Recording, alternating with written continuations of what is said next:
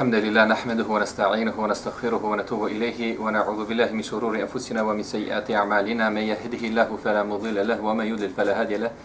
وأشهد لا إله إلا الله وحده لا شريك له. وأشهد أن محمدا عبده ورسوله صلى الله تعالى عليه وعلى آله وصحبه وسلم. فقد ترك أمته على محجة البيضاء ليلها كنهارها.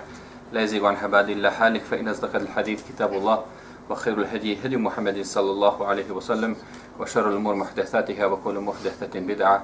وكل بدعة ضلالة وكل ضلالة في النار وسزاحل الله سبحانه وتعالى pošto smo donijeli salavat i selam na našeg posljednjeg poslanika i na Allahog miljenika, draga braća, salamu alaikum wa rahmatullahi wa barakatuh. Tema našeg serijala koje smo predvidjeli u narednih pet časeva govoriti jeste tužni događaj iz prve generacije Islama.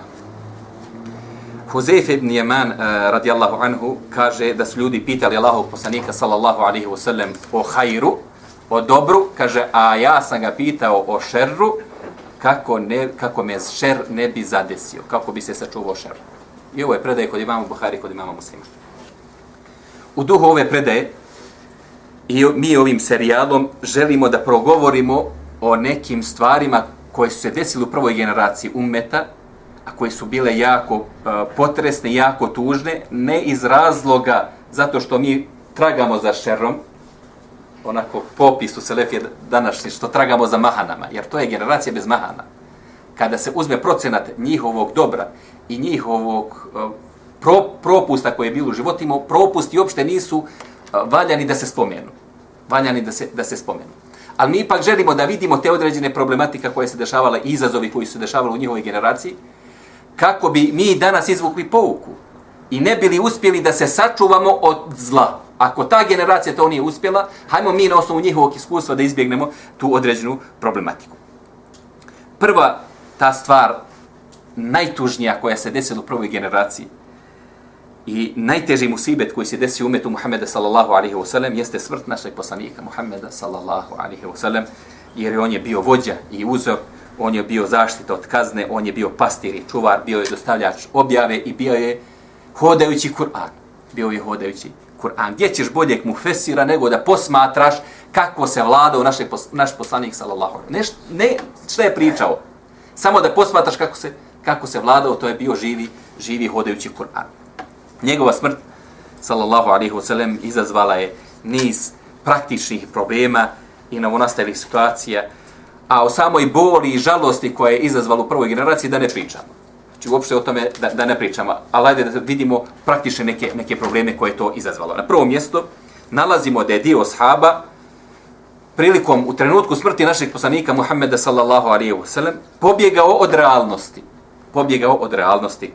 I Omer radijallahu ta'ala anhu je bio vođa u toj skupini i kaže se da je negirao smrt našeg poslanika sallallahu alaihi wa sallam. Zbog te žalosti nije mogao da prihvati da naš poslanik sallallahu alaihi wa sallam umro. Pa je to negirao i rekao je on je odsutan 40 dana će biti odsutan kao što je odsutan bio mus od svog naroda, a kada se vrati, pobiće sve ove munafike koji tvrde da je on umro. I kaže, ko mi bude u mom prisutstvu rekao da je Muhammed umro, ja ću ubiti. Ja ću ubiti. I kaže, muslimani, svjesni, poslanikovo tijelo prisutno, svi vide, znači u njegovu, ko ne, nema, e, ko ne vjeruje, ne kuđe u sobu, mrtav čovjek. Mrtav čovjek. Muslimani sjede, prve generacije, sjede u mesridu i čute. Svi ćute. Niko ne govori da je poslanik umro. Omer je u mesridu i prijeti. Omer je u mesridu i prijeti. To je to bježanje od realnosti. To je jako velik događaj koji je uzdrmao čovjeka kojeg je objava potvrdila njegovo mišljenje preko 20 puta. Preko 20 20 puta. Ne govori se ovo o maloumnosti Omera, radi Allahom talanu, nego se govori o uticaju te žalosti na njega, na njega koliko je bio pogođen činjenicom da naš poslanik, sallallahu alejhi ve sellem nije više živ među njima. Tako se je ponašao sve dok Ebu Bekr, radijallahu ta'ala anhu. Nije došao u mesdžid s obzirom da je bio odsutan, bio je u svojoj bašči, pa kaže, kada je došao i vidio poslanikovo tijelo, poljubi ga i rekao je, lijep si, mrtav isto kao što si bio živ, draži si mi od oci od majke, pa je otišao do mezđida, popeo se na mimber i rekao poznatu rečenicu koje je obožavao uh, Muhameda, nek zna Muhammed je mrtav, a ko je obožavao Allaha, nek zna Allah je živi, nikad ne umire. Proučio kuranski ajet u kojem se govori da će poslanik umrijeti, pa kaže Omer radi Allah ta'ala, tada pao na zemlju, pao, više noge nisu mogle da ga drže, pao je i počeo plakati, kaže, kao da sam prvi put čuo kuranski ajet koji govori o poslanikovi smrti.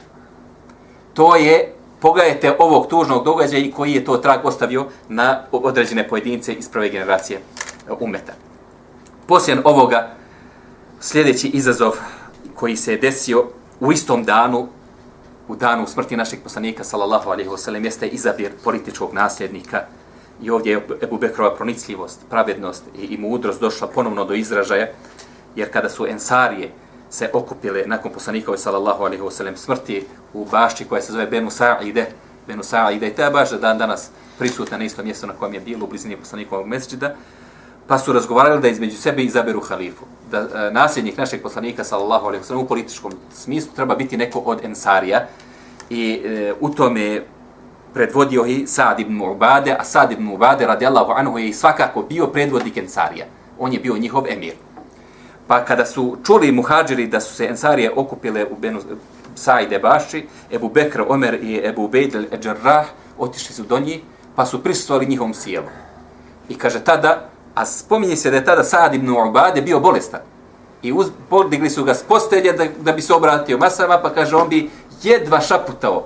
A čovjek bi, kaže, jedan onsarija slušao šta govori, pa bi onda glasno obavištavao ostale, prenosio bi šta, šta on govori. Toliko je bio bolestan, nije imao, glasa.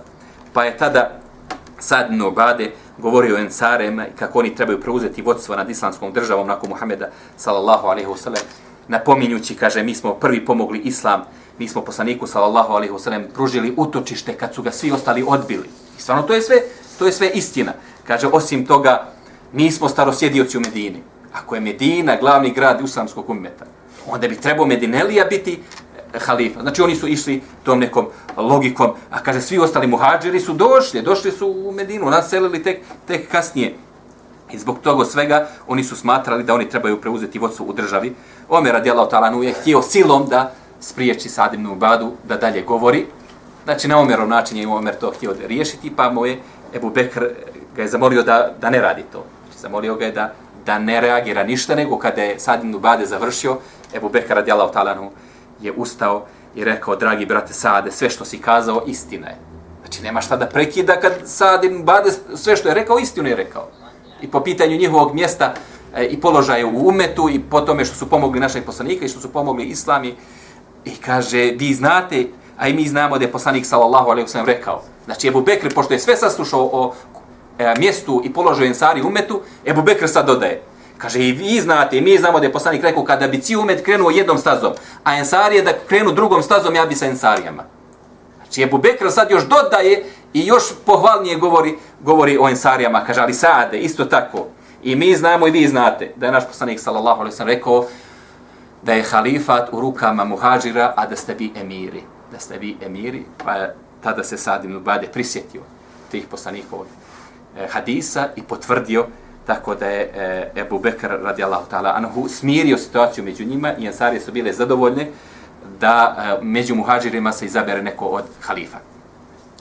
Uh, kaže Omer radijallahu ta'ala anhu, kaže ništa što ja što sam ja htio da kažem nije izostavljeno Ebu Bekrovim govorom. Sve što sam ja htio da kažem, Kaže Ebu Bekr je rekao, kaže samo što je, samo što je to Ebu Bekr rekao potpunije i ljepše. Samo što je to Ebu Bekr rekao potpunije i ljepše. Tada je Ebu Bekr radijallahu ta'ala predložio Omera da bude halifa. To je bio prijedlog u prvom uh, trenutku, međutim Omer je ustao i rekao što se tiče mene, ja tebi dajem prisegu. Za mene si ti halifa. Pa su poslije toga ustali i ostali e, prisutni i dali prisegu halifi Ebu Bekr radijallahu ta'ala.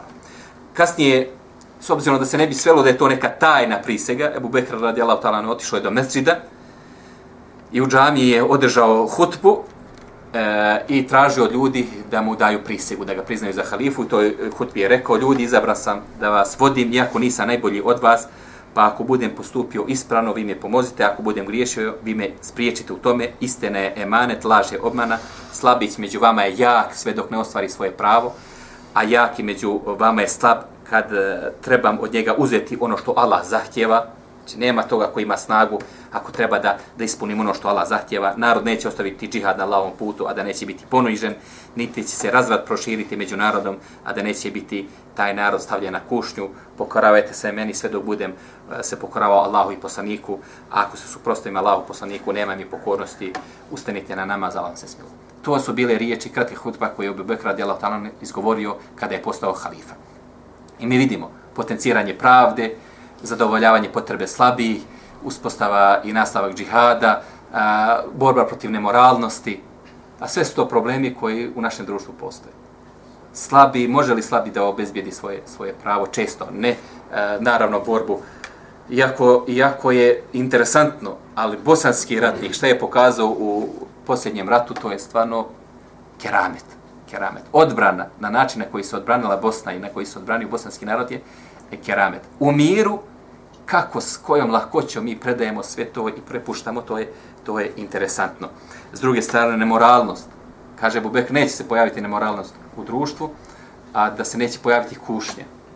Mi, s obzirom koji je procenat e, nemoralnosti, kušnje nisu toliko velike. Kušnje nisu toliko velike. Poslije Nebu Bekrove prisege, postavlja se pitanje, i to je jedno od tužnih događaja, jedno od iskušenja. Ko nije Ebu Bekru dao prisegu? Ko nije priznao Ebu Bekra za halifu? Spominje se da je Bubekra nije e, priznao za halifu Sa'ad ibn Ubade, jedan od ensarija, javnu prisegu mu nije dao. Zatim Fatima, Alija i Zubair ibn Abuam. Za njih četvor se govori da nisu dali prisegu Ebu Bekru radi Allah. To su tužni događaje iz, iz perioda prve generacije. Po pitanju Fatime, ona je smatrala da ne, odnosno uslovljavala je da neće dati prisegu sve dok se ne riješi e, poslanikov pitanje poslanikovog imetka na Hajberi u Medini, dok se ne podijeli članovima porodice, neće priznati Ebu Bekra za halifu. Ebu Bekra se vladao po hadisu našeg poslanika, sallallahu alaihi wasallam, da se poslanici ne nasljeđuju, nego ono što ostaje od njihovog imetka jeste sadaka.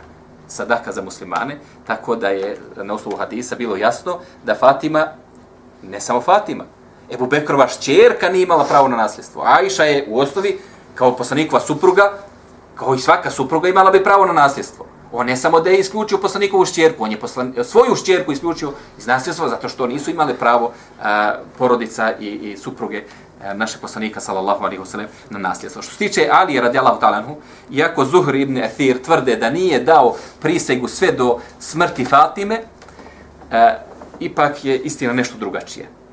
U trenutku kada je Ali radijallahu talanhu čuo da je Ebu Bekr na mimberu i da mu se daje prisega, ustao je i izašao iz svoje kuće samo u donjem dijelu garderobe, dok su mu ramena bila gola. Znači uopšte nije se ni obukao propisno, uletio u mesdžid i dao prisegu Ebu Bekr od Jelatara. Među prvima koji se pojavio i način na koji se pojavio, znači uopšte nije stigao ni da se ogrne da ja prvo što prije dam prisegu Ebu Bekr radi Allahu ta'ala. A sam Ali je prenosi hadise ko umre, a nije dao prisegu vladaru, da je umro džahilijetskom smrću. Znači sam Alija, i Alija znao te propise, zato i požurio ovako, ovako da postupi. Međutim, tokom a, života Fatime, on se udaljio iz tog javnog života. Pa je bilo špekulacija da Alija nije ni dao prisegu. Pa kada je Fatima umrla, a, Alija se ponovno pojavio i ponovno dao prisegu. Da potvrdi da je prisega, prisega data. Također, Ezuber ibn Avam je prisegu dao isto kada je Alija. Znači mi vidimo ovdje sa Fatimom sporo oko nasljedstva, Alija i Zubair su dali prisegu, Sad ibn Bade i, i nije. Sad ibn Bade, kao vođa Ensarija, zbog uticaja svoje porodice koje i dalje insistirala da su Ensarije trebali da preuzmu vlast u Medini, nije javno dao prisegu Ebu Bekr od već je napustio Medinu. Napustio Medinu i otišao je prema Šamu kako bi se priključio muslimanskim redovima u borbi protiv uh, Bizantije koja je bila ispred, ispred njih u, kaže se da je u Šamu ubijen od ruku muslimana. Sada ibn Ubadu, radijallahu ta'ala anhu, ovog časnog sahaba, našeg poslanika, sallallahu alaihi wasallam, ubili su muslimani, izvršili su atentat na njega u tim nekim problemima, upravo ovim oko, oko vlasti i to je e, također jedan od tužnih događaja iz prve generacije. Jedan od izazova i tužnih događaja iz, iz vladavine Ebu Bekra, radijallahu ta'ala anhu, iz perioda vladavine Ebu Bekra, jeste rat protiv odmetnika. Nije se e, još uvijek ni stabiliziralo stanje u Medini, došla je vijest da su sva arapska plemena napustila islam. I to e, napuštanje islama je bilo u tri varijante. Ima onih, najblaža je ona, koji su negirali zekat. Da je zekat bilo obavezno davati našem poslaniku Muhammedu sallallahu alaihi wasallam, dok nasljednicima posle njega nije obavezan. Znači, e, propisanog zekata, više zekat nije propisan, to su tvrdili. ima skupina oni koji su napustili islam u potpunosti i vratili se svojim mušičkim običajima. A najgora skupina je opet oni koji su proglasili poslanike među njima. Umro Muhammed kao poslanik, on je bio poslanik, on je umro, sad ga nasljeđuje i svi su četiri poslanika u taj period izabrano različiti, sve zavisnosti od plemena, sve uz različitosti od, od plemena. Samo tri grada u tom periodu su ostali u islamu. Samo u tri grada se uspostavljala džuma i džemat. To je bila Medina, to je bila Mekka i to je bio Taif. Medina, naravno, to je bilo prisutno većina uh, najbližih ashaba našeg poslanika, sallallahu alaihi wasallam. Taif je bila mala zajednica koja je ostala zahvala na našem poslaniku, sallallahu alaihi wasallam. Ali je pitanje zašto su Mekalije ostale u islamu?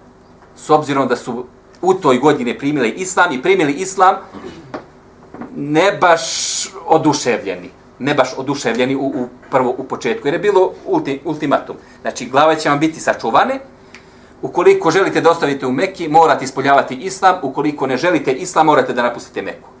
I bilo je tu puno prvaka Mekki, puno stanovnika Mekke kojim se Meka nije na, napuštala.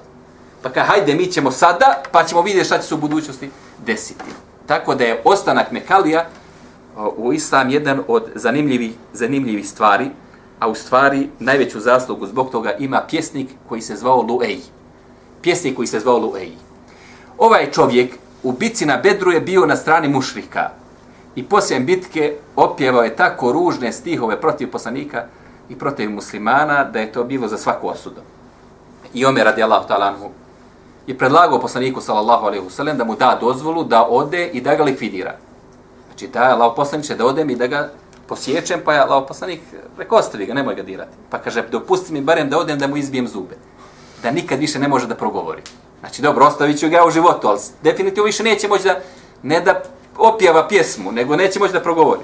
Pa kaže poslanik, sallallahu alaihi wasallam, pusti ga, Omere, možda će doći trenutak kada ćeš iz njegovih usta čuti riječi koje nećeš moći da zanegiraš. Koje nećeš moći da zanegiraš. Pa je na osnovu ovog stava vidjelo se koliko je naš poslanik, sallallahu alaihi wasallam, gledao na duge staze nije bitno kakav je njegov hal sada, nego kakva je perspektiva tog čovjeka u budućnosti. To je čovjek koji imao kvaliteta u toj periodu, koji se jako cijenio, a to je kvalitet rečitosti, to je kvalitet pjesništva. Može Allah dati da to njegovo pjesništvo jednog trenutka pomogne i sam i muslimane. I kada su se počeli Arapi odmetati od Islama, kaže se priče počeli među Mekalijama. Šta mislite, hoćemo li, nećemo, znači raspravljaju, hoće li da ostave Islam ili neće. Pa kaže, ej, ovaj pjesnik kada je čuo te razgovore, došao je kod prvaka koji su vodili te muhabete i rekao tako mi uzvišenog Allaha, da jednog čuje da napusti islam, imam da mu odsjećem glavu. Imam da mu odsjećem glavu. Sada Korejšije nisu znali ko je njegova pozadina. Koliko ima ljudi koji razmišljaju isto kao i on. Oni su mislili da je to neka jaka skupina čim on tako, tako uh, hrabro im prijeti. Pa i straha, ne samo od njega, nego od straha šta li se iza njega krije, učutali su se i niko više nije progovorao o napuštanju islama. Znači, jedan čovjek, ovaj čovjek je bio sebe, da stanovnici Meke ostanu, ostanu islamu. Uh, mi vidimo, uh, Ebu Bekr radijallahu ta'ala, imao je veliku odgovornost da okupi uh, muslimane i da pokuša uh, da povrati uh, ulogu islama na arapskom poluotoku, tako da se spominje da je up, up, ukupno 12 uh, e, vojski organizirao na različ, različite lokalitete da bi se ljudi vratili islamu. 12 različitih vojski. S tim što u saminu vojsku, koja je bila opremljena da ide prema Šamu, nije dirao. Znači, to je usamina vojska, je vojska koju je opremio naš poslanik, sallallahu alaihi wasallam. I oni se bili uh, spremni da krenu, ali je poslanik umro. I oni su ostali sad čekat da vidimo halifa novi, pa šta će halifa reći? Ljudi se odmetali od islama, Osama je mislio najvjerojatnije će ga usmjeriti negdje drugdje. Kaže Ebu Bekr, i to je bilo mišljenje svih ostali. Kaže Ebu Bekr, da ja vojsku koju je lao poslanik opremio prema Šamu, usmjerim prema drugom mjestu, šanse nema. Šanse nema. Bojao se Allaha subhanahu wa ta'ala da vojsku koju je lao poslanik usmjeri u jednom pravcu, da je on skrene prema drugom pravcu. Ka vallaj, kada bi vidio da se divlji psi i divlje životinje poigravaju, odnosno otimaju oko djece i žena med, nas u Medini, ja u saminu vojsku ne bi ostavio Medinu, nego bi ih poslao prema Šamu. Tako da je u saminu vojsku poslao prema Šamu. A kažu da je to bilo jedan od najvećih razloga da kompletan dio uh, odmetnika u tom u tom dijelu arapskog polotoka se vratio islam. Kad su vidjeli ogromnu vojsku koja ide prema čafirima, prema kršćanima, pobojali su se kakvo li je vojsko halifa spremio onda za nas. Znači sigurno, ako je ovakvu vojsku spremio za novo osvajanja, kako li onda kaznu spremio za nas, pa kaže straha su počeli da se vraćaju, vraćaju u islam i vidimo koja je ovdje bila pronicljivost Ebu Bekra radijallahu ta'ala anhu. E, spominje se da je e, opremio Halid ibn Walida Allahu isukanu sablju i tražio od njega dao mu strategiju kaže prvo ćeš napasti ovoga kad završiš sa njim otićiš ovdje kad završiš sa njim otićiš ovdje znači nema to hoćeš pobjediti ili nećeš pobjediti. Pobjediti moraš kad završiš s njima to to pa to i daje mu strategiju kako s kim treba s kim treba da se bori i kako treba uh, da se da se bori i za svega godinu da dvije godine i par mjeseci za svega dvije godine i par mjeseci uh, ovim nastojanjem uh, Ebu Bekir radijallahu ta'ala uspio je kompletan Irak i Šam i ostale gradove da vrate u okrilje, u okrilje Islama. Tako da je ovo u osnovi jako tužan period, jako tužan period kad moraju ponovno ljudi da se pozivaju, da se pozivaju u Islam. Tada su se pojavila, ko što smo pomenuli, četiri poslanika, lažna poslanika, uh, Tulejh, Musailem, uh, Esved i Lukej, i govori se da je u brojčanu Musailem el Kedab bio najbrojniji, 40.000 je imao pod svojom zastavom, 40.000 eh, ljudi e, i bili su i najveća opasnost i osnovi veliki broj e, muslimana je poginulo, naravno veliki broj mušljaka je poginulo, čafira poginulo u tim, u tim bitkama. I ovo su naravno tužni trenuci kada dojučerašnji muslimani e, ginu na, na kufru, a to se desilo u prvoj generaciji, u prvoj generaciji islama. E, ple, e, pleme Benu e, Kuda'a, jedno od arapskih plemena, s obzirom da je izgubilo odmah na početku, nisu se zadovoljili sa tim, kada nego su počeli da nagovaraju e, rimskog vladara, e, odnosno bizantijskog vladara e, Flaviusa, u taj vakat Flaviusa, da on organizuje svoju vojsku i da napadne muslimane. Znači, do jučerašnji muslimani, koji su odmetnuli, ulaze u savez sa Bizanticima i nagovaraju ih. Kaže, čak su nagovarali i a, a, kršćane Arape, Arape, kršćane koji su živjeli na Arabskom polotoku, da i vi sad se organizujte, ako sad ne riješimo se sa muslimanima, nećemo nikada. Ulaze u savezništvo sa, sa daleko većim i daleko gorim e, Allahovim, Allahovim neprijateljem u smislu brojnijim. Međutim, Allah je dao, alhamdulillah, da to nije urodilo nekim, nekim plodom. Ebu Bekra djela u Talanu tada šalje dva pisma. Jedno pismo je za otpadnike, koje je moralo se pročitati otpadnicima, gdje ih poziva u islam, poziva ih u islamske propise, objašnjava ko bude ostavio bilo što od islamskih propisa, bit će tretiran kao nevjernik, prilika im da se pokaju, ukoliko se pokaju neće biti dirana ni njihovi meci, ni njihovi životini, znači to je ono što su morali vojskovođe da pročitaju. A s druge strane poslao je pismo i vojskovođama, gdje od njih tražio da se boja Allaha, da ne prosipaju uzaludno krv, da ljude pozovu islam, kogod želi da se pokaje, da mu daju mogućnost da se pokaje, Tako da mi vidimo na osnovu ova, ova dva pisma da a, je osnova Ebu, Bekrovi, Ebu Bekrovog ratovanja bila bogobojaznost i vraćanje ljudi u islam, a ne otimanje imetke i prosipanje ljudske krvi. A ne otimanje imetka i prosipanje ljudske krvi, jer njegovi ratovi su bili ratovi u ime islama. U ime islama, a ne u ime Dunjaluka. Spominje se u Džemadul Ahir mjesecu 13. godine po Hidžri, Ebu Bekr radijallahu ta'ala se teško razbolio i kada je vidio da se bolest pogoršava, okupio je ashabe oko sebe, da se sa njima posavjetuje kako da se nastavi, šta da se nastavi, koga da imenuje, kako bi se mogao eh, nastaviti taj kontinuitet u islamskoj vladavini. Tako da je pitao Abdurrahman ibn Aufa, šta ti misliš o Omeru? Znači on je prvo tražio njegovo opšto mišljenje. Ko bi mogao da me naslijedi, ko bi mogao da me naslijedi? I nakraj otvoreno pitao, šta vi mislite o Omeru? I ovdje se spominje da je Abdurrahman ibn Aufa eh, spomenuo Pa je Abdurrahman, Abdurrahman ibn Auf iz Emaneta. Emanet je pohvaliti nekog ili poguti. Pa rekao, ti ga bolje poznaješ od mene. Nije htio da ga komentariše.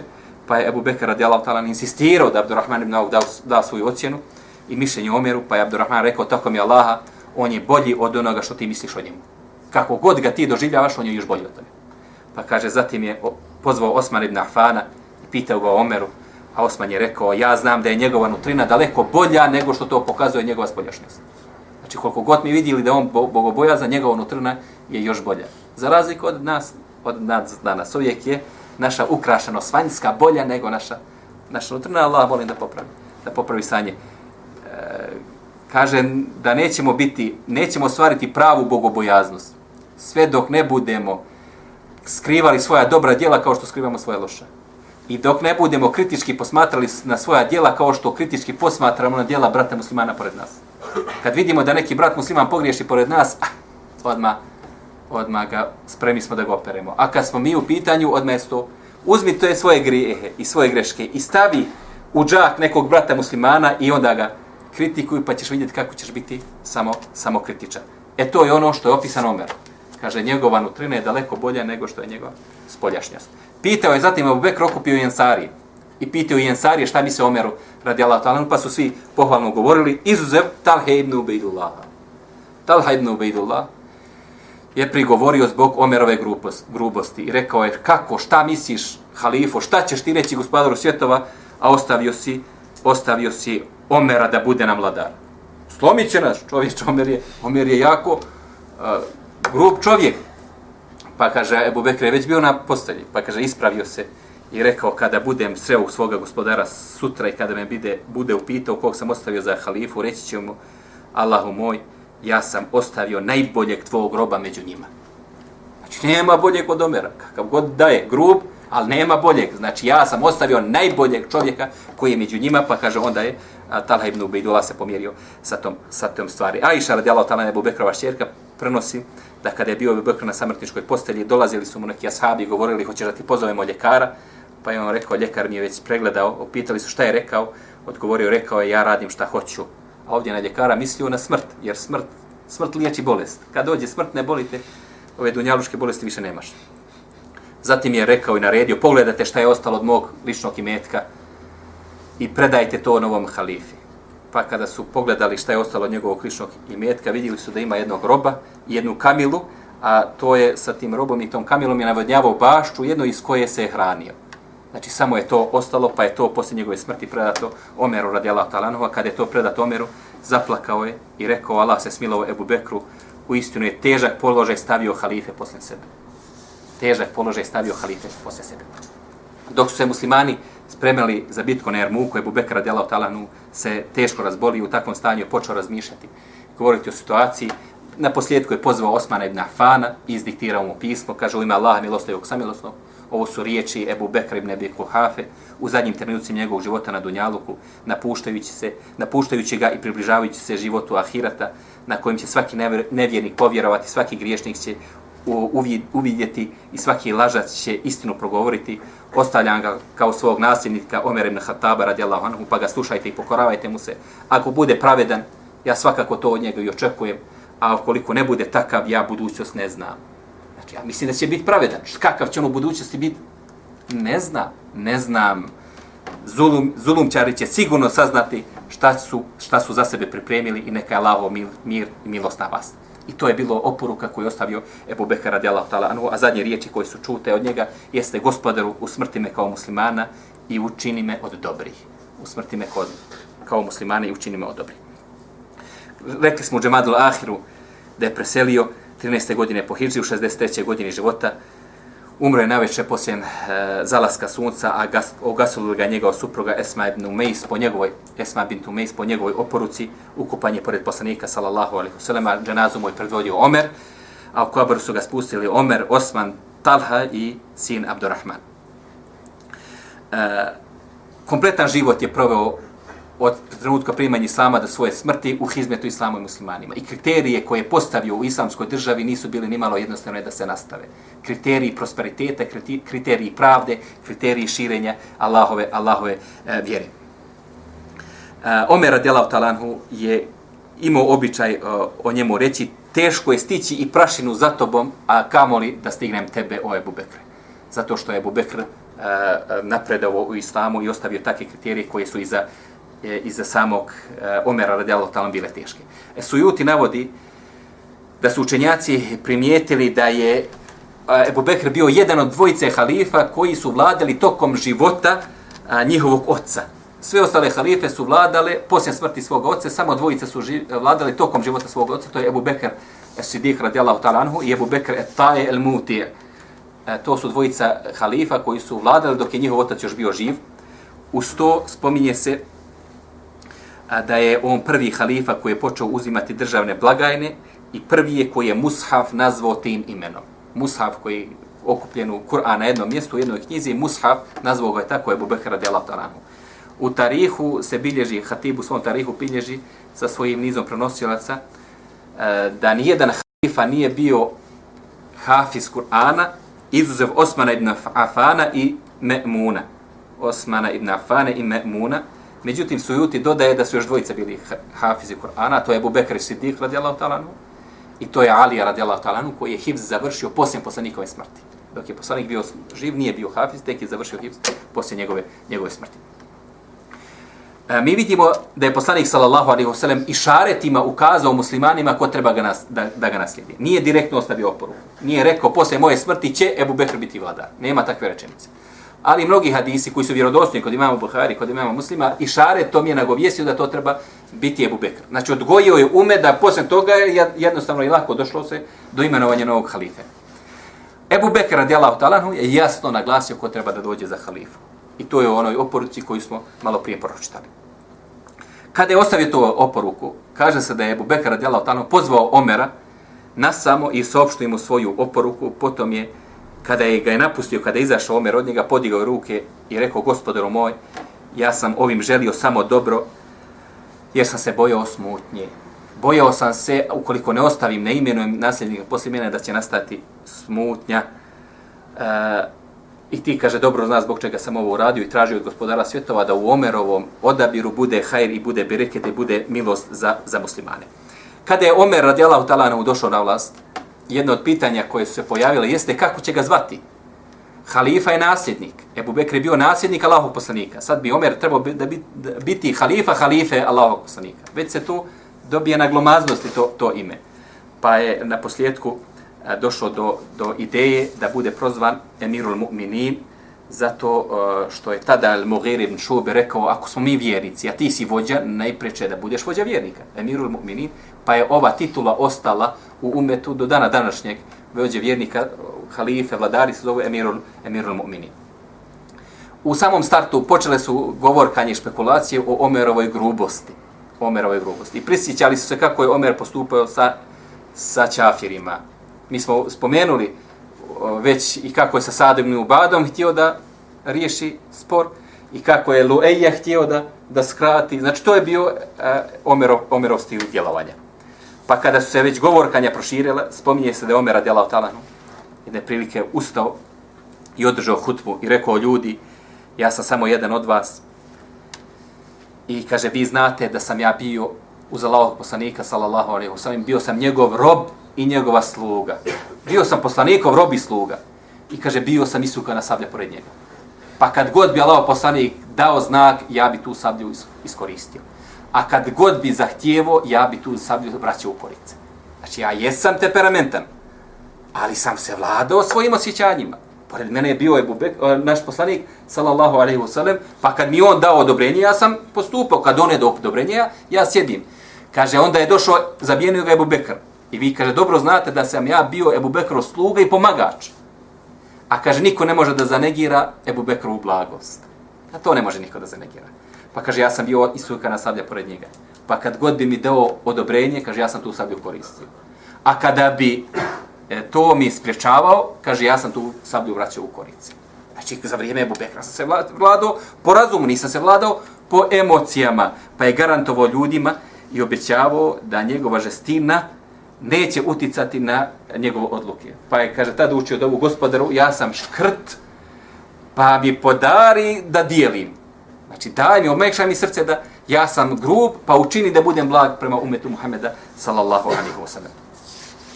A, Zatim, od odluka koju ra donio Omer radijalahu talanu, a te vežu se za neke tužne događaje, jeste smjena Halid Mvelida.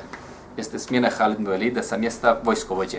Halid Mvelid je na mjesto vojskovođe postavljen kao glavno komendujući musliman za vrijeme vladavine Ebu Bekr radijalahu talanu, ali je kao vojnik postavljen za vrijeme poslanika Muhameda sallallahu alihi wasallam.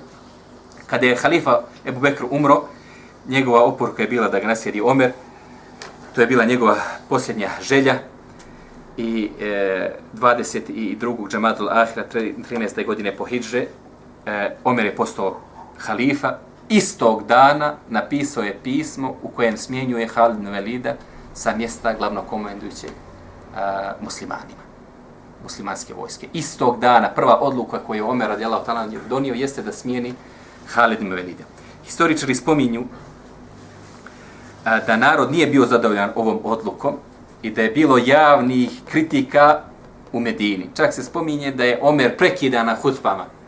Dok je držao hutbe, prekidan bi bio i kritiziran zbog toga što je smijenio Halid ibn Velida.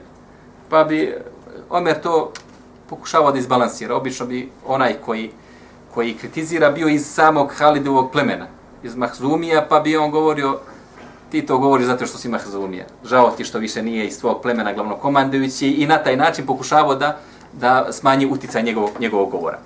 Kada je došlo pismo uh, da treba biti smijenjen, njegov nasljednik nije pročitao odmah to pismo iz razloga što uh, u tom trenutku je bila opsada a, jedne jedne kako kule, kako li bi se to kod nas, kod nas zvalo. Tako kaže, e, bojao se ukoliko proglasi smjenu Halid Velida da će ubiti onaj borbeni duh. Već je ostavio Halida da, da Halid dalje radi na opsadi te tvrđaje. Opsadi te tvrđaje. Tek kad je osvojena tvrđava, kaže, došao mu je i pročitao pismo od, od novog halife, od Omera. Kao prvo, to je bilo potresna vijest, dolazi se sa viješću, umro je halifa Ebu Bekr. A druga vijest, Omer kao njegov nasljednik, smjenjujete sa vlasti. Pa kaže, kada je pročitao Halid Velid pismo, povukao se je u svoj šator i kada te večer je plakao. Oplakivao je Abu Bekr radi Allah talani. Govorio, da si ti živ, ti ovo ne bi dozvolio. Ti ne bi dozvolio da ja budem smijenjen. Sutra dan je izašao pred svoju vojsku, vojska koja je bila maksimalno lojalna. Maksimalno lojalna. I obznanio, Ebu Bekr, naš halifa je umro, naslijedio ga je Omer, mi ćemo se pokoriti, pokoriti našem halifu Omeru. Omer zahtjeva da se ja povučem i da se imenuje drugi čovjek tako da se je Halid Velid pokorio ovom, iako mu nije bilo drago. Iako mu nije bilo drago i smatrao je da može više da doprinose islamu i muslimanima. Zatim je tražio da ostane u redovima svoje brigade, kao vojnik obični. I to je, nećete naći ni u historiji, ni u savremenom o, ratovanju, da čovjek kada mu se smanji čin da ostane u istoj skupini. Obično se trudi da pobjegne iz te skupine od sramote. Halid Velid da šta ima da bude sramota? ratovo ime Allaha, ratovo protiv, protiv nevjernika da doprinese širenju islama i muslimane, ništa nije ružno uradio, ništa nije loše uradio, bio vojskovođe, sad ću biti vojnik, idemo, idemo dalje. Dopušteno mu je jedno vrijeme, pa mu je i to zabranjeno. I traženo je od njega da su potpunosti povuče sa, sa ratišta. Da, možete misliti Allahova istoka na sablja, lav islama, da treba da, da boravi u svojoj kući, da uzgaja kokoške. I da. To je Halid Velidu bilo neobično. Ali na samrtičkoj posljednji kada je bio, gledajući svoje tijelo na koje nije imalo ni jednog dijela tijela, a da nije bilo rana od, od ratovanja, potvrdio ispravnost Omerovog mišljenja. Omer je bio pravo. I kao dokaz tome, dio imetka je ostavio Omeru radijalatu. Kada umrem, kada dio ovog imetka, daćete Omeru, Omeru radijalatu.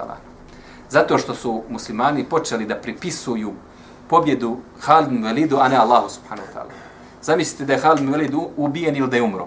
Koji bi to bio pad morala na muslimansku vojsku? Na ovaj način Omer radijalo je pripremio vojsku. Pripremio vojsku da je pobjeda od Allaha sa Halidom bez Halida. To je prvo. Drugo, ipak Omer je zamjerao Halidom u određenom ponašanju. Halid je bio vojskovođa. Sa vojskovođa, vojnik sa ono što, što vojnik to podrazumio. Vi znate ponašanje vojnika na ratištu, ponašanje muslimana. Na ratištu i van ratišta nije, ne može biti isto.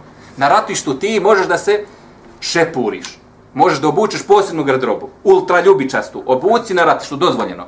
Ovdje nije dozvoljeno. Sve što ćeš da upadaš, nije dozvoljeno. Hajde ti na ratište, kad te snajperista traži, tu budi ultra ljubičast. Znači ti se izdvajaš, čisto ga zoveš, ja sam ti, ja sam ti mene. Tako je živio Halid Velid.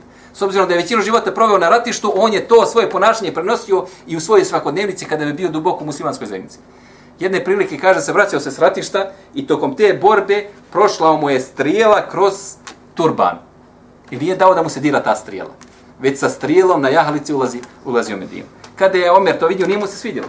Znači, ne može se tako ponašati. Halid uzeo i slomio mu, slomio mu tu, tu strijelu.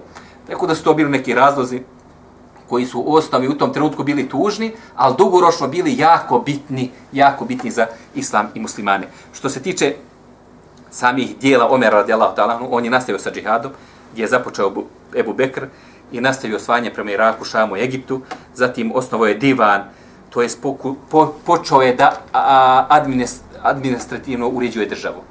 eh, evo i hvanci, oni koji smo spomenuli, malo organizacije, malo administracije. Znači, počeo je da da uređuje državu administrativno, da administrativno prikuplja i zekat i da ima novca, znači da se tačno znaju fondovi u državi, zatim podijelio je države na geografske političke oblasti, to jeste vilajete, i u svakom mjestu je postavio pojednog namjesnika koji je bio imenovan od strane halife, zatim dokinuo je ili smanjio je dađbine odrađenim stranicima Egipta i Perzije, one dađbine koji su plaćali za vrijeme starog režima tokom njihovog kufra, kada je došao islam, nekima je skroz dokinuo određene kategorije, a nekima je smanjio. Na taj način je tim ljudima učinio prijatnijim življenjem pod novom upravom, zatim uspostavio hidžetski kalendar, to je počeo je računati godine od prelaska iz Mekije u Medinu. Stanje islamske države za vrijeme halife Omer radijallahu ta'ala se najbolje ugleda u rečenici izaslanika perzijskog e, vladara, koji kada je, ga je vidio gdje je, šta je, u kakvom halu spava, on je tražio dušu u sa pismom. Koga tražiš? Tražim vašeg vladara. Uputili su, haj ovdje, haj ovdje, haj ovdje. Se očekuje da najde na dvorac, se očekuje da najde na gardu, očekuje neku proceduru.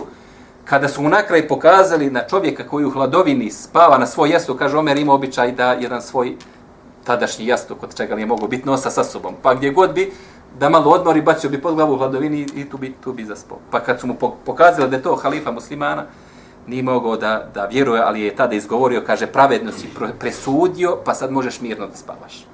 Znači, ni od kog se ne bojiš, nikom nepravdu nisi učinio, pa možeš mirno zaspati bez garde, bez, bez straže, bez dvoraca. Od problema i od tužnih stvari koji se desilo tokom njegove hilafeta, jeste prilikom osvajanja Egipta, uh, Amr ibn As je tamošnjem stanovništvu zabranio da prinose žrtve Nilu.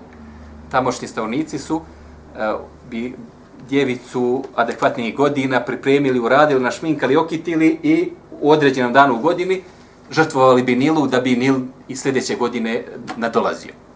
Pa je Amr ibn As to zabranio, da se to ne smije uraditi više. Dok je muslimani, dok su na vlasti, to se ne smije uraditi. Međutim, Allah je dao iskušenje da pred taj datum došlo je do plovačenja Nila. Nil je skoro isušio, pa se Amr ibn As pobojao i poslao pismo halifi. Znači, to već stvar nije koju Amr ibn As hoće da donese radi Allah talan. Već hoće halifu da upita. Desilo se to, našao sam taj i taj običaj. Pa se im zabrani i objasnio da Islam negira te stvari. Znači, u potpunosti potire i tražio od njih ono što, što je tražio, kada međutim Allah je dao povuku se Nil, ljudi kada osjećam u narodu pritisak, ljudi su boje, ako u Egiptu nema Nila, nema ni života. Pa kaže šta da radim? Pa kaže Omer radi Allah je napisao dva pisma, jedno je napisao halif, o namjesniku Amr ibn Asu i objasnio mu što se tiče tvoje tvrdnje da e, islam dok je da rani običaj, to si u pravu, znači 100% ti ispravno postupio, nastavi što se tiče toga, a ovo drugo pismo koje ti dajem baci u Nil, pa je to i uradio Amr ibn As, kojem je pisao od Allahovog groba Omer ibn Khattaba, vođe pravovjernih rijeci Nil u Egiptu, u rijeku, kad do, nadolaziš svojom voljom, nemoj više nadolaziti, a ako tobom upravlja Allah, onda ja molim jedinog i silnoga da učiniš da opet nadođe pismo je bačeno na večer i dan, e, dan prije nego što je trebala biti žrtvovana djevojka i kaže se samo tokom jedne noći nadošla je rijeka za 16 lakata.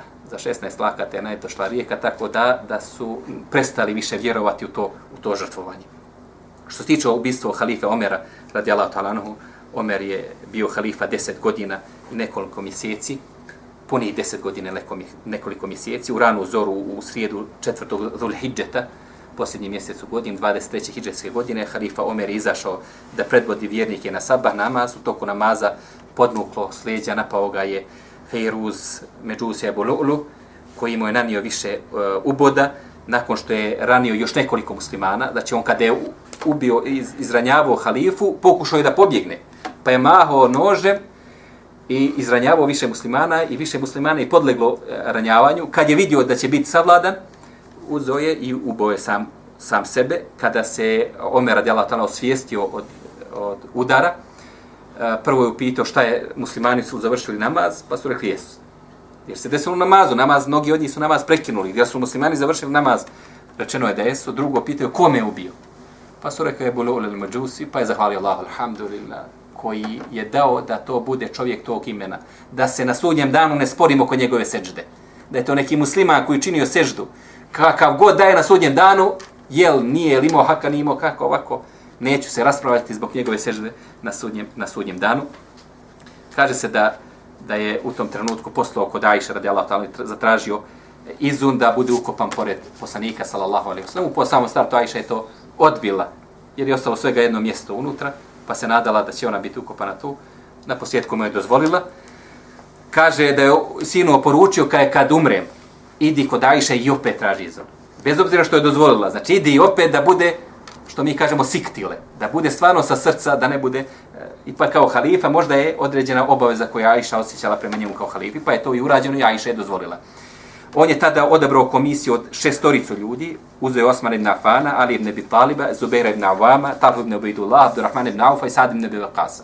I šestorica su ljudi koji su, kojima obećan dženet, tako da je on napravio tu komisiju, rekao kad ja preselim, vi ćete izabrati sljedećeg halifu, nakon što mu se približila smrt, oporučio je svom sinu, štedi u mojim ćefinima, ukoliko budemo od dobrih, Allah će mi zamijeniti boljim, a ukoliko budemo od zlih, ni ti mi ćefini neće pomoći.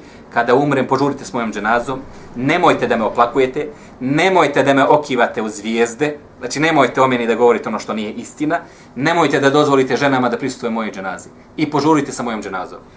Ako sam od dobrih, odmorit ću se u kaburu, ukoliko sam od zlih, kaže, vi će se odmoriti svoja ramena od mene, znači što prijeme, što prijeme ukopajte. Nakon ove oporuke ubrzo i umro. Što se tiče Fejruz Ebu Lu'lua, ovaj međusija, kojima su Rafidije, podigli su mu veliko turbe i, i dan danas sa velikim poštovanjem govore o, o njemu. A, on je bio obožavac vatre, zvanično obožavac vatre, koji je zbog svoje struke mu je dato mogućnost da živi u Medini jer je doprinosio muslimanima, bio je dobar kovač. Obožavac vatre, znači on je oko vatre znao, znao da radi, pa je zbog toga, zbog te struke, dozvoljeno mu je bilo da boravi u Medini. Kaže se da je bio spor tokom Omerove vladavine u kojoj je Omer presudio protiv njega. Pa kaže, Bulu mu je to zamjerio, a svakako bilo mu je krivo zato što je Omer radila tamo u potpunosti, u potpunosti zatvorio i ugasio perzijsku uh, idolopokloničku državu. Tako da mu i to bilo krivo. I to mu je bilo krivo. Kaže se da je Omer radila na njene prilike od njega tražio neku alatku da mu napravi da mu okuje. Pa je rekao, suštić te alatke, napravit ću ti takvu alatku da ti poslije nje neće trebati više ni jedna. Dok su ljudi mislili da ovaj fali svoju robu, Omer je rekao, ovaj čovjek mi prijeti. Ovaj čovjek mi prijeti. To je ta promisljivost Omera radi alatu. Napravit ću ti takvu alatku da poslije nje više ti neće trebati ni jedna. Pohvala je za robu, ali istovremeno i prijetnja za halifu, isto ko što je govorio prodavač pijetla e, kada je tražen pijeta u koji dobro kukuriče. Kako kukuriče, kad ne može bolje ne može bolje. Kada je čovjek kupio pijetli, kad je vidio da pijetu uopšte ne kukuriče, kao ovaj pijetu kukuriče, kao on ne može bolje. On ne može, ne može bolje. Istovremeno i pohvala, a istovremeno je i kritika. Allah je dao da ovaj čovjek nosi tu sržbu prema Omeru radijala Talanhu i na kraju je došao i ubio ga slijedjan sa natopljenom nožem e, koji je imao natopljen nožem od, sa, sa otrovom. E, ispominje se da je tada Omerov sin Omerov sin i to je ono što će se prvi, prvo sresti e, nasljednici Omera radijalahu talanhu. Prvi izazov koji će se sresti jeste izabra novog halife, a drugi izazov jeste kako presuditi Omerovom sinu u Bejdullahu, koji je danima dok je Omer bio na samrtičkoj postelji, ubio e, Ebu Lu'lovu šćerku, koja se normalno šetala gradom i ubio je kršćanina e, Džefine, Džefineta, koji je bio jako prisan Ebu Lulu i ubio je muslimana Harmuzana, koji je bio perzijanac, koji je isto taze primio islam i oko iskrenosti njegovog islama je bilo i tada, i tada spor. Znači, kada je vidio da zajedno stoje i kada je vidio da likuju zbog Omerove smrti, nije mogao da izdrži, prišao i ubio ove tri osobe. Omerov sin Ubejdullah i to je došlo sa tom vješćenju, je došlo do Omera. Omer rekao, ja svakako napuštam ovaj svijet, neka tu taj spor neka riješi sljedeći sljedeći halifa i to je jedna od dvije stvari koji sljedeći halifa mora, mora riješiti.